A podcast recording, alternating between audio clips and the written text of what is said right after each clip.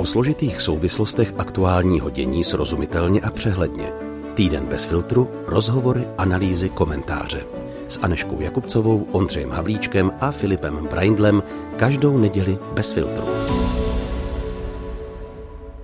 Začíná nový týden bez filtru, ve kterém se tentokrát zaměříme na zahraniční velmoc, ale taky na otázku, zda a za jakých okolností jednat se zlem. Provede vás Filip Braindl a spolutvůrce našeho podcastu Anešku Jakubcovou a Ondru Havlíčka uslyšíte ve společné diskuzi v druhé části, která naváže na předchozí anketu mezi odborníky a dalšími lidmi navázanými na dnešní téma. I když není vůbec zábavné, dovolil jsem si ho ve zkratce otevřít takto. Obdržel jsem plný počet bodů a došlo na politiku. Co je větší? Čína nebo Vatikán? Řekl jsem Vatikán. Začali kašlat. Povídám Čína. Ano, hned na podruhé jsem to měl. Bylo vyhráno. Takto se v povídce, jak jsem se stal učitelem, Miloslav Šimek a Jiří Grossman dotkli kontrastu, který na první pohled při srovnání zmíněných států vyvstane – Obrovská Čína s populací, jejíž velikost skoro převyšuje možnosti naší představivosti a proti tomu malý státeček schovaný uvnitř Říma. Obrovská ekonomika a mocenská síla versus papežská švýcarská garda. A nebo naopak, křesťanů je prý v Číně zhruba tolik a možná i víc než členů komunistické strany a těch je téměř 100 milionů. A když vezmeme, kolik katolíků z celého světa reprezentuje papež, není najednou Vatikán tak nepatrný. Ale o poměřování tu nejde. V Pekingu se sešel 20. sjezd čínské komunistické strany, od něhož se všeobecně očekává, že potvrdí ideologickou linii generálního tajemníka a čínského prezidenta Xi Jinpinga.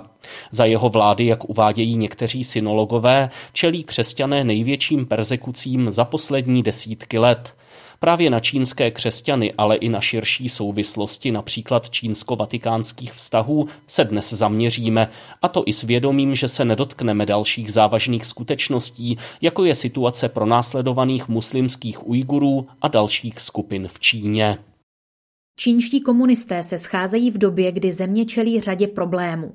Od zpomalení ekonomického růstu, mimo jiné kvůli tvrdým opatřením proti šíření covidu, přes potíže s nízkou porodností, které Čínu připraví opozici nejlidnatějšího státu světa a způsobí značné stárnutí společnosti, až po geopolitiku s různými obchodními válkami, vymezování se vůči západu, boj o vliv v rozvojovém světě, vztah k Rusku či postoj k Tajvanu. Všem těmto otázkám se prezident Xi Jinping ve svém úvodním projevu na stranickém sjezdu věnoval. My se ale zaměříme na jeho slova o tom, že Čína prohloubí vlasteneckou výchovu a náboženství aktivně povede k tomu, aby bylo slučitelné se socialistickou společností. Toto vyjádření charakterizuje náboženskou politiku čínského prezidenta. Ačkoliv ústava země formálně garantuje svobodu vyznání, alespoň pro buddhismus, taoismus, islám a protestantské a katolické křesťanství, ve skutečnosti je to podmíněno státní kontrolou. Proto jedinou legální katolickou církví byla ta vlastenecká, fungující bez vazby na římského papeže. O čínsko-vatikánské dohodě z roku 2018 ještě bude řeč. A prezident viditelně patří k zastáncům této úpravy náboženství pro potřeby komunistického státu, takzvané synizace neboli počínštění. Připomeňme také, že v těchto dnech před soudem v Hongkongu stojí kardinál Joseph Zen Zekyun, obviněný z údajné spronevěry, které se měl dopustit při hmotné podpoře tamních demokratických sil. Ty si stěžují, že Čína neplní své sliby o dvou systémech v jedné zemi, tedy o zachování určitých demokratických výsad v Hongkongu a zavádí praktiky běžné z čínské pevniny.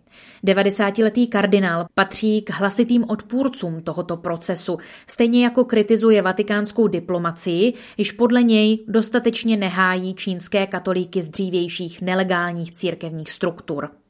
Zajímá nás proto, co vyplyne pro čínské křesťany ze skutečnosti, že prezident si od komunistické strany získává souhlas pro svou politiku a to i v náboženské oblasti. S touto otázkou jsme oslovili několik osobností, které se dění v Číně věnují. Odpovědi přinášíme bez úprav a dodatečných komentářů.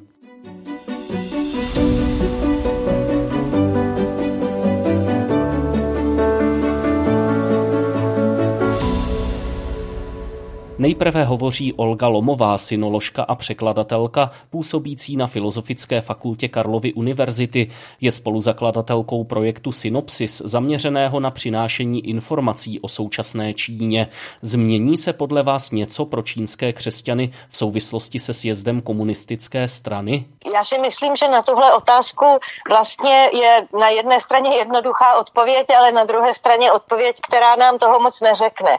Ona se nezmění, protože ten sjezd má v zásadě demonstrativní charakter a, a potvrzuje ty poměry, které vlastně nazrály před tím sjezdem. Ten sjezd má pro křesťany význam jedině v tom, že jednoznačně potvrzuje, že jakákoliv naděje, že něco by se mohlo změnit, něco by se mohlo jaksi víc uvolnit, otevřít, eh, je definitivně potvrzená jako marná generální tajemník komunistické strany Číny Xi Jinping a to je jeho nejdůležitější funkce, která je nyní dál prodlužována. Ten, to označení, že je to prezident, eh, je sice pohodlné a třeba srozumitelné z hlediska západních médií, ale je absolutně irrelevantní z hlediska mocenských pozic v rámci Číny, protože generální tajemník komunistické strany je ten, který eh, má v rukou veškerou moc. Tak vlastně on od svého nástupu k moci v roce 2012 prosazoval politiku eh, vlastně usilující o to dostat mimo jiné i náboženství náboženstvím, týká se to i jiných oblastí života, eh, pod plnou kontrolu komunistické strany. A hovoří se o takovém procesu, který on označuje jako eh, počínčtění eh, křesťanského náboženství. A to počínčtění de facto znamená zase podřízení náboženské doktríny, náboženských myšlenek, ideologii komunistické strany Číny. Takže například kněží procházejí politickými školeními, je na ně dozíráno a mají zapovinnost během své komunikace s věřícími jim v podstatě dělat politickou výchovu, připomínat ty ústřední body oficiální ideologie. Takže to je vlastně taková jedna rovina toho vztahu současného vedení komunistické strany Číny eh, ke křesťanství. A pak samozřejmě se to týká eh, velmi přísné kontroly toho, aby nebyly provozovány žádné jaksi náboženské aktivity mimo přímý dozor zase stranických orgánů. Tolik Olga Lomová. Oslovili jsme také kardinála Dominika Duku, který v poslední době komentoval například dění kolem kardinála Zena. Emeritní pražský arcibiskup odpovídá na otázku, zda se podle něj po sjezdu čínských komunistů může změnit situace křesťanů v zemi. A tak tady je třeba říci, že nejsem prorok. Ta otázka je postavena na bázi křesťanů, ale víme, že křesťanství má své tedy určité denominace. Vedle katolické církve jsou zde další církve. To je něco, jako když hovoříme o islamu a nerozlišujeme proudy v islamu a vliv jednotlivých států. Chyba, která se stále děje, je opravdu farizejství politických struktur. Svoboda je nedělitelná. Kde není náboženská svoboda, nejsou ani ostatní svobody. A naopak. A myslím, že tomuto pokušení občas podléhají všechny křesťanské církve, včetně katolické církve. Pro mne jediným autentickým mluvčím je kardinál Zen. I když ovšem musíme říct, že kardinál Zen žije v Hongkongu, který má trochu jiný statut, než má kontinentální Čína. Myslím, že sjezd o tom není. A v současné době tak slabé Evropy, která do jisté míry i Evropská unie spíše podkopává křesťanské základy, nejsem tedy optimista. Po kardinálu Dukovi má slovo Magdalena Rychecká, která publikuje odborné texty o čínských křesťanech. Působí v rámci semináře čínských studií na Filozofické fakultě Masarykovy univerzity v Brně. Práve prebiehajúci 20. zjazd komunistickej strany Číny podľa môjho názoru nebude znamenať veľkú zmenu pre katolícku komunitu v Čínskej ľudovej republike. Napriek tomu, že Xi Jinping bude zvolený prezidentom aj na ďalšie funkčné obdobie a prehlbí sa tým jeho kult osobnosti, situácia sa pre katolíkov výrazne nezmení. Je jasné, že bude pokračovať eh, postupné obmedzovanie veľmi malej náboženskej slobody a eh, strana bude tlačiť na väčšiu kontrolu, čo je však niečo, s čím sa stretávame už posledných pár rokov. Tým pádom je veľká pravdepodobnosť, že v budúcnosti sa situácia pre katolíkov ešte zhorší, avšak nemyslím si, že je to dané len tým zjazdom, je to proste niečo, s čím sa stretávame posledných pár rokov um, kontinuálne. Pri svojom úvodnom prejave e, na zjazde Xi Jinping taktiež spomína náboženstvo, pričom dáva dôraz na to, že je nutné, aby bolo tzv. čínske vo svojej orientácii a nasledovalo socializmus. To opäť nie je nič nové, pretože s touto požiadavkou sa stretávame už minimálne od roku 2016 a v posledných štyroch rokoch vidíme, že sa skutočne tlačí na to, aby náboženské skupiny boli podriadené strane. Veľmi často toto požiadavku, o to, o to čín, čínsko vo svojej orientácii prekladáme ako počiništenie náboženstva, avšak rada by som upozornila na to, že sa jedná skoro ako o politickú synizáciu, nejaký politický projekt, kedy náboženská skupina sa má podrobiť politickej ideológii a podporovať vedúcu úlohu komunistickej strany Číny. Mimo iné to znamená napríklad pre katolíkov snahu o interpretáciu biblických príbehov skrz uh, politickú dogmu. dogmu. Xi Jinping sa dlhodobo snaží, alebo teda komunistická strana Číny sa dlhodobo snaží obmedziť a sprísniť kontrolu nad náboženským životom v Číne a zaznamenali sme v posledných rokoch niekoľko nových prípadov náboženského prenasledovania. Situácia pre katolíkov sa zhoršuje v posledných rokoch neustále a zjazd na tom nič nezmení. Situácia je momentálne pomerne zlá a náboženská sloboda je značne, značne obmedzená. Tolik Magdalena Rychecká a jsme rádi, že se nám podařilo navázat spojení i s politologem a synologem Martinem Šebeňou, který působí na univerzitě v Hongkongu. Co si on myslí o možném dopadu sjezdu komunistické strany na život náboženských skupin v Číně? Já si myslím, že ten sjezd nebude mít přímý dopad na situaci křesťanů v Číně, protože si na něm řeší a v první řadě personální otázky toho, kdo bude ve vedení komunistické strany Číny. A když se řeší nějaké, nějaké problémy, a tak Čína jich má v současnosti hodně a myslím, že křesťané nepatří mezi nějaké priority. Takže nějaký přímý dopad tam určitě nebude, ale může být nepřímý, protože když si tam prezident Xi Jinping protlačí své blízké spojence, tak to bude jenom potvrzení toho, že Čína bude eh, razit nějakou tvrdší linii eh, vůči i náboženství.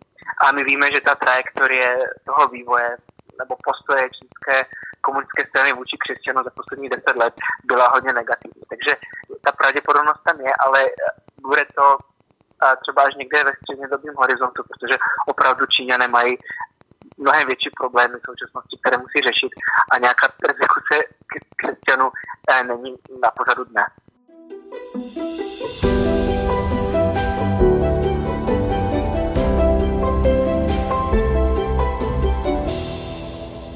Martin Šebeňa i ostatní účastníci naší ankety budou odpovídat ještě na jednu otázku. Předtím se ale s Aneškou zaměříme na zmíněnou čínsko-vatikánskou dohodu o jmenování biskupů.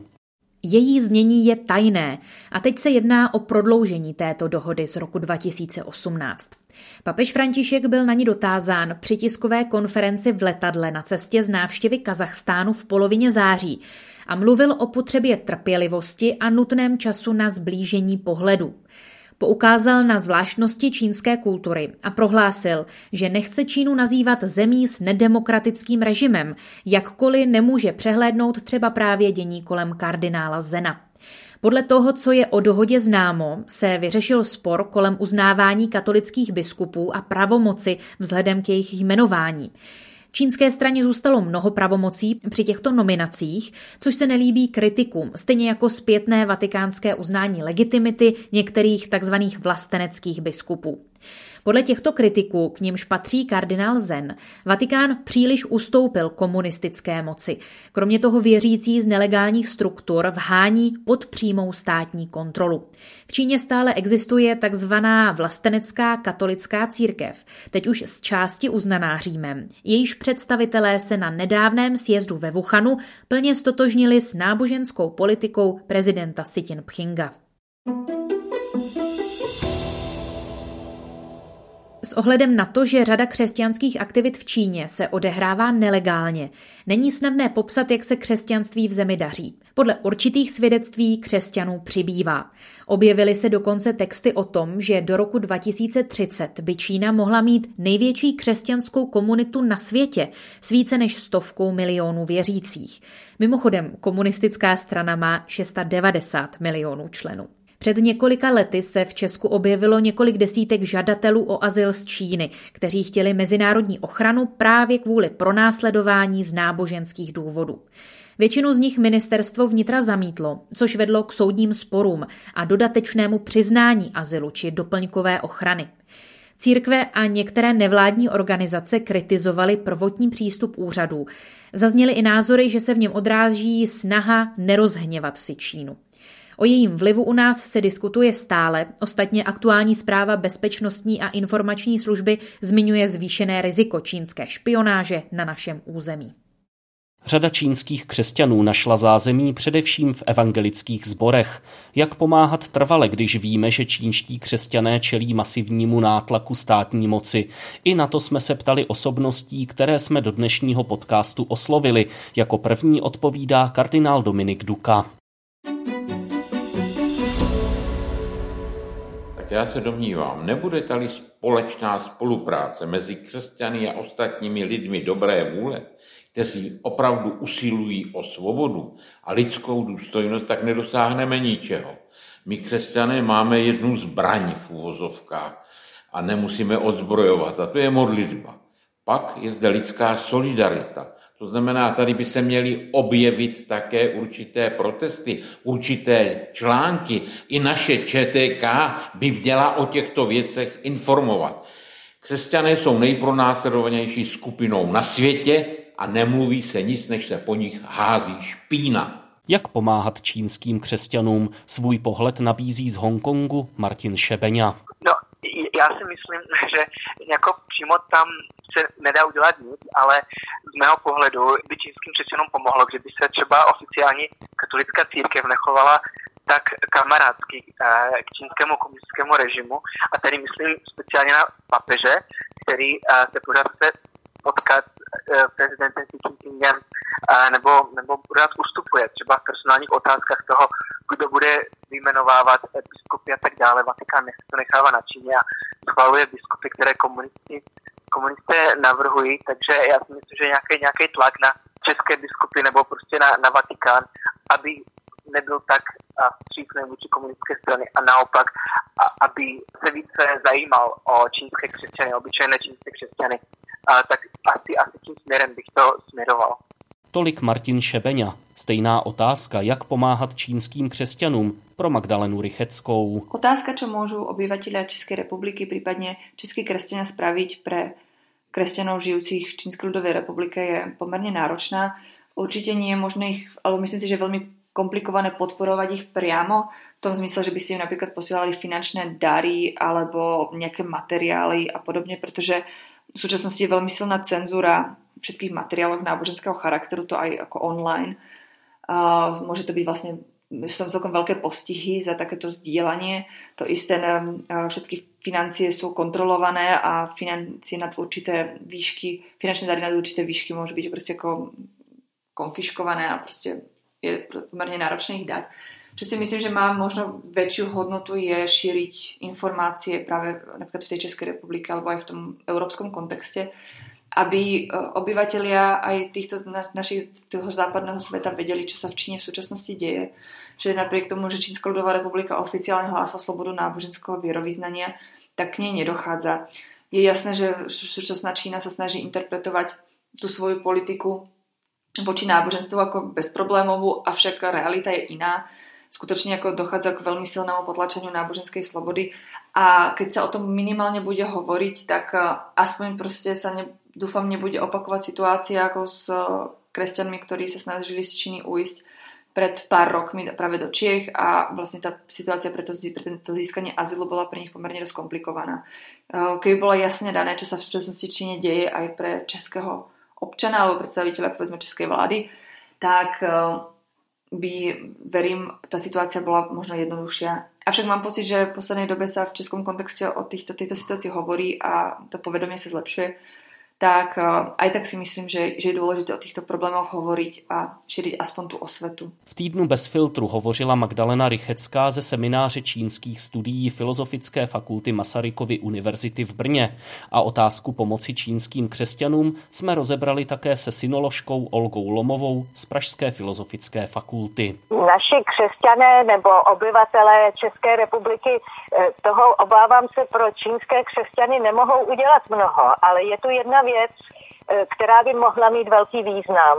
A to je působit na Vatikán, aby nepřistupoval na podmínky, které stanoví eh, čínské vedení eh, v těch jednáních, která už probíhají dlouhou dobu a, a která vyústila vlastně v dohodu, takovou předběžnou dohodu o vzájemném uznání, abych tak řekla, o tom, že čínské úřady budou respektovat biskupy jmenované eh, nebo potvrzené z Vatikánu, ale zároveň tedy Vatikán bude potvrzovat nebo souhlasit s rozhodnutími Eh, komunistické strany Číny v této věci. A ta dohoda se samozřejmě týká širšího okruhu věcí. Z mého pohledu člověka, který sleduje, jakým způsobem eh, se vyvíjí náboženská politika v Číně a jakým způsobem vlastně eh, jsou křesťané zbavováni, můžeme říct, z podstaty své existence, protože podstata toho být křesťanem je mimo jiné i víra, do které nezasahuje, které kterou ne- nekoriguje světská moc, v tomto případě komunistická strana Číny. A e, tak mám pocit, že Vatikán je přehnaně smířlivý nebo přehnaně optimistický, jak uzavření dohody s komunistickou Čínou vlastně prospěje čínským křesťanům. Já si myslím, že jim nepr- neprospěje, protože je zbaví e, toho duchovního rozměru jejich víry a ten duchovní rozměr je pro čínské křesťany mimořádně důležitý, protože jim pomáhá vlastně vyrovnávat se e, s velmi těžkými životními podmínkami a teď myslím i v materiální rovině, která e, většina prostých lidí v Číně prostě žije ve velmi těžké situaci. A zároveň si uvědomuju, že eh, ten, eh, ty námluvy mezi Čínskou lidovou republikou a Vatikánem, eh, jejich součástí je mimo jiné i snaha aby Vatikán přerušil, ukončil diplomatické styky s Tajvanem. Vatikán je jediný evropský stát, který má diplomatické styky s Tajvanem a uznává Tajvan jako nezávislý stát. A já tady v pozadí jednoznačně toho vyjednávání, tedy jakoby o náboženských otázkách, tak v pozadí jednoznačně eh, vidím tenhle ten cíl a to mimo jiné znamená i zradu na eh, tajvanských křesťanech a tam jich je také velmi mnoho. Tolik anketa. Nad problematikou dnešního dílu podcastu Týden bez filtru jsme se sešli i my tři tvůrci, Filip, Aneška a Ondra. K čemu jsme došli?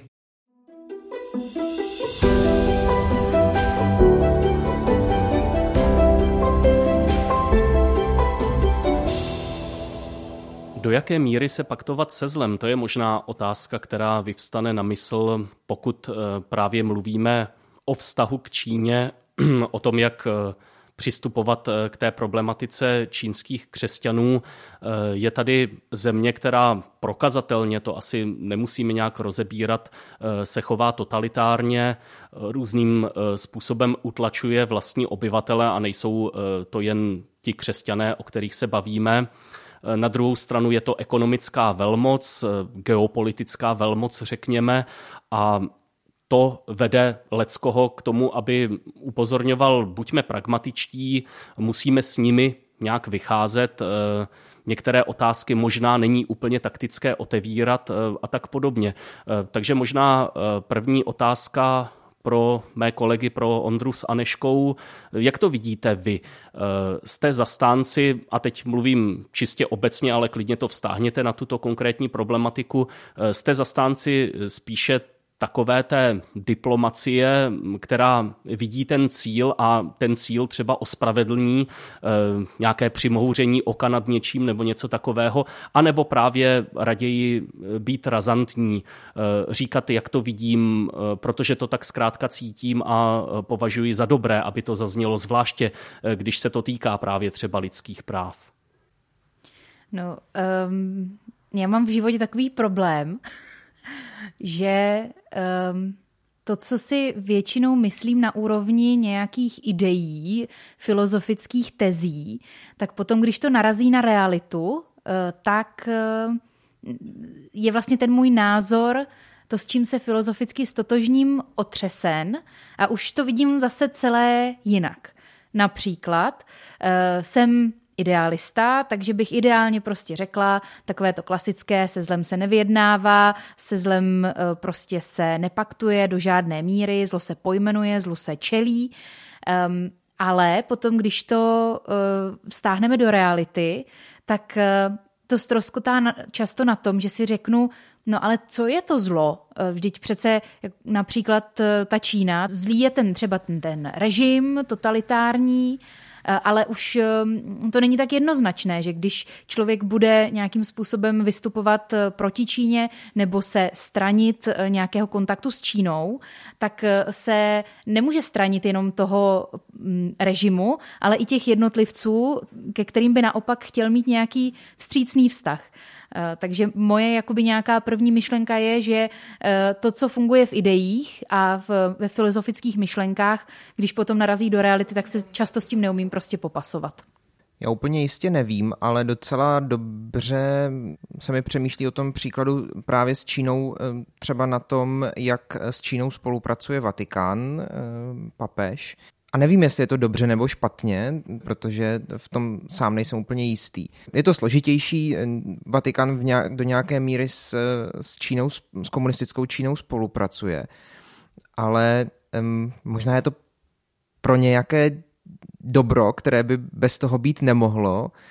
Na druhou stranu toto může být um, jenom argument pro to, jak si to obhájit, to, že eh, se zlem komunikuji, to, že se se zlem bavím, to, že s ním nějak vyjednávám, tak eh, je jednoduché říct si, že to dělám pro vyšší dobro, pro nějaký vyšší princip, pro něco takového. Takže já úplně nevím. Myslím si, že je velký rozdíl toho vyjednávání se zlem v tom světovém globálním měřítku a proti tomu je něco úplně jiného, když se proti zlu máme stavět ve svých osobních životech.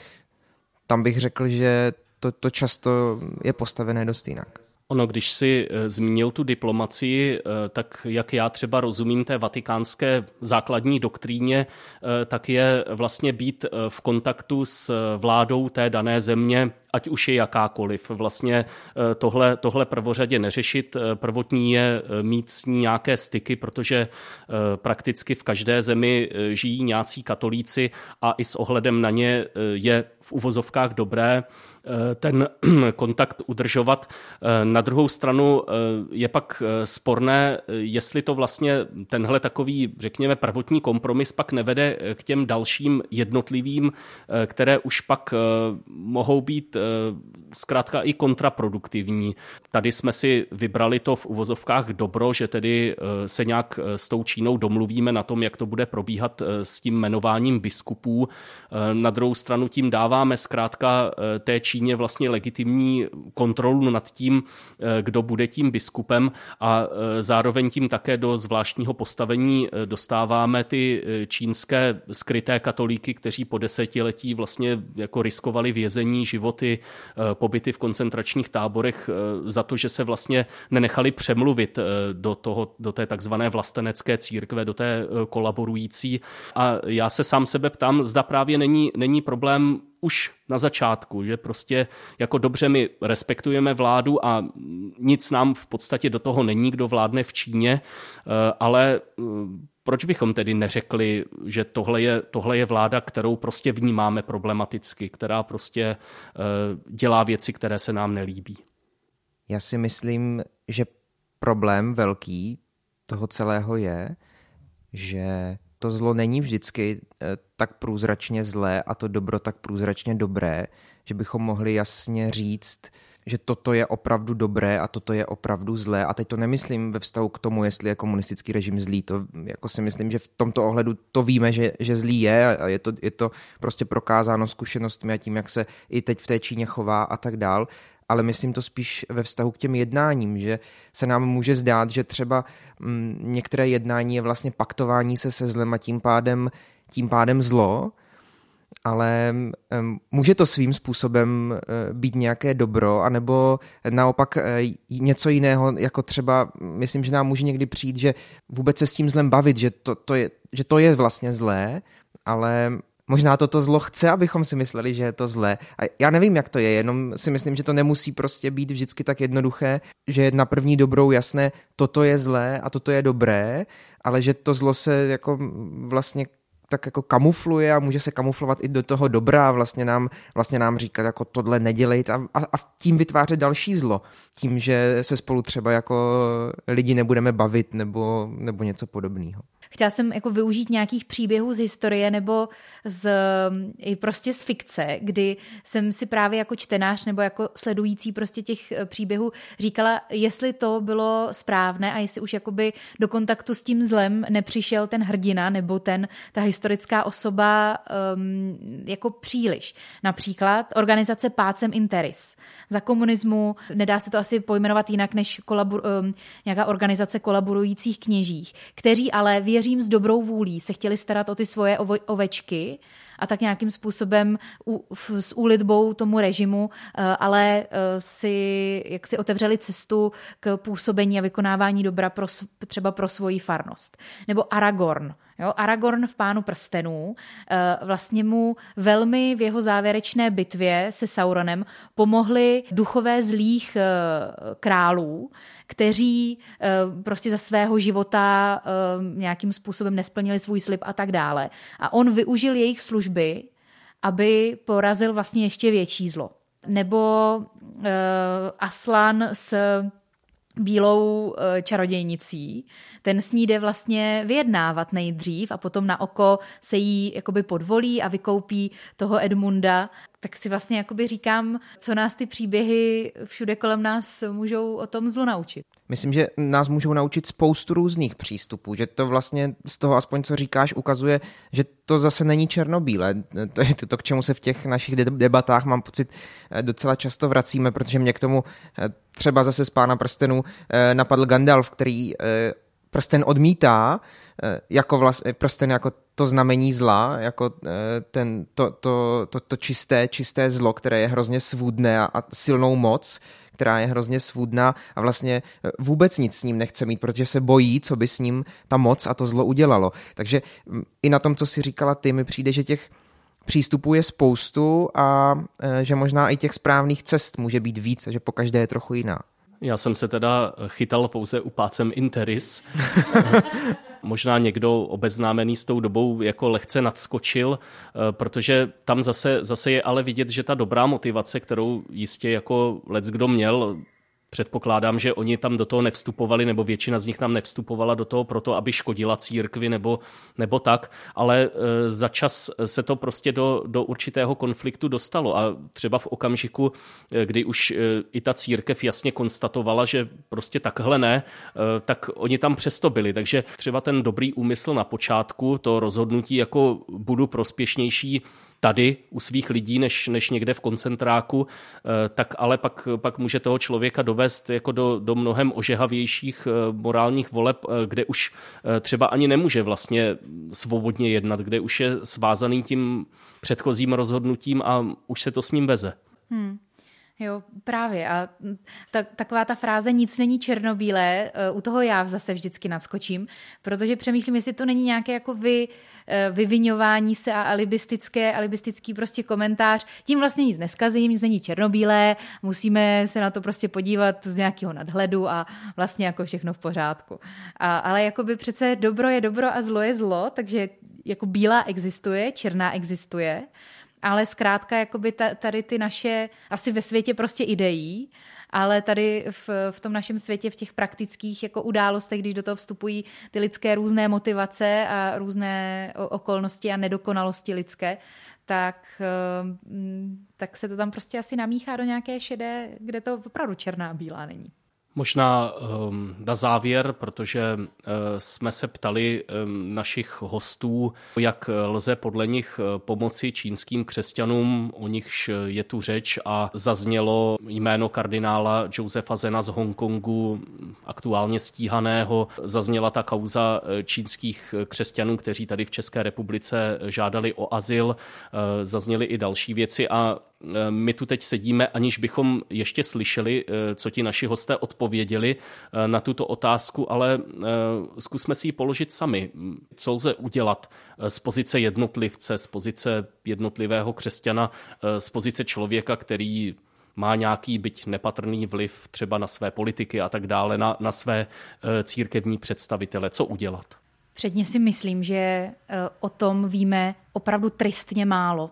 Nevím, jestli si to můžeme přikládat za vinu, protože toho, co se děje a co je potřeba nějakým způsobem sledovat, k čemu se vyjadřovat, vymezovat, eh, kde pomáhat, je opravdu hodně, ale eh, Zrovna tady, myslím, jako situace čínských křesťanů je opravdu téma, které se nezvedá úplně často. Eh, nejsem si jistá, jestli víme i třeba o organizacích, které prostě pomáhají. Takže tohle, když jsem si tuhle otázku sama sobě poctivě položila, co já pro to dělám a mohla bych, tak jsem zjistila, že jsem opravdu tristně neinformovaná a ten můj eh, zájem a tím i jakoby to otevřené pole působnosti je hrozně zavřené.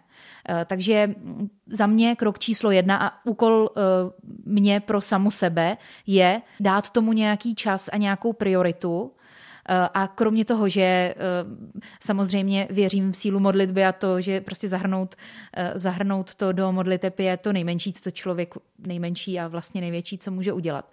Tak se pídit po těch praktických věcech, které můžu udělat. I třeba to, že to téma zvedneme a bavíme se o tom v podcastu. Omlouvám se za to, jestli to někoho pohorší, ale mně přijde, že úplně upřímně nemůžeme pomoci všude, kde bychom pomoci chtěli a zajímat se o všechno, o, čo, o co bychom se zajímat měli a tlačit na všechna témata, na která bychom tlačit měli, tak mi stejně jako u těch jiných eh, témat nakonec přijde nejdůležitější žít ten svůj život eh, dobře a to svoje křesťanství dobře. Chci říct, že si myslím, že téma čínských křesťanů a nejen křesťanů, ale všech lidí v Číně a, a všech lidí v jakémkoliv totalitárním, eh, totalitním režimu je důležité téma, že se jim máme zabývat, že se jim mají zabývat naši politici, že se jim má zabývat církev, že se jim má zabývat diplomacie. Ale zároveň si myslím, že větší službu světu uděláme tím, když to dobro a to uh, budeme prosazovat v našem okolí a proti tomu zlu budeme uh, bojovat v našem bezprostředním okolí. No, ono se to možná uh, spojí, já to nechci přivolávat, ale už jsme to tady vlastně jednou měli právě eh, v podobě těch uh, Číňanů, kteří přišli a žádali o azyl a zdůvodňovali to pro následováním uh, z náboženských důvodů. Myslím, že zrovna tohle byla uh, situace, kdy se vlastně tyhle ty dvě věci propojily a vlastně se propojilo i to, co jste oba říkali, že byste viděli jako potřebné a já se pod to mohu za sebe jenom, jenom podepsat. Cítím to hodně tak, jak to vyjádřila Aneška eh, v tom, že můžeme udělat eh, to, že se o věc zajímáme, eh, zároveň jako známe své limity a víme, že mm, jako spasitel světa tady byl a je s námi a my to nejsme. Takže my mu můžeme nějak pomáhat tam, kde jsme. Hmm.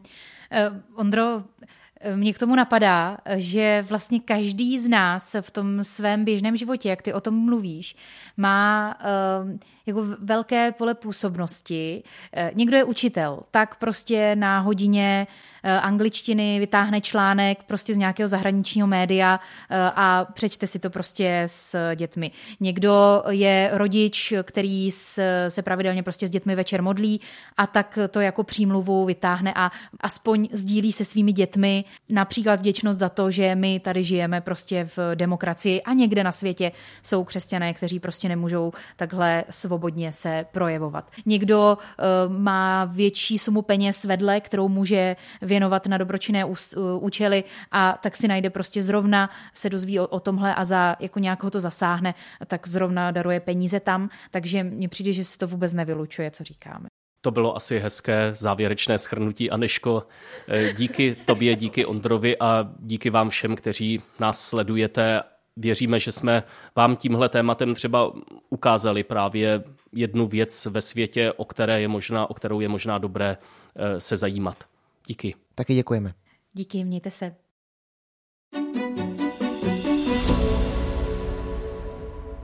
A s Ondrou se teď podíváme na události, které nás čekají po neděli. Zítra začíná další pracovní týden. Tady jsou typy na události v politice i společenském dění, které byste neměli minout. Ministr vnitra Vít Rakušan pořádá v pondělí a v úterý v Praze konferenci o migraci.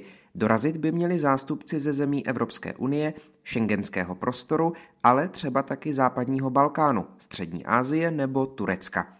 To v Británii se bude ve stejný čas rozhodovat o tom, kdo se nově usídlí na Downing Street číslo 10, potom, co minulý týden na premiérské křeslo rezignovala Liz Trasová, a to po pouhých 45 dnech ve funkci.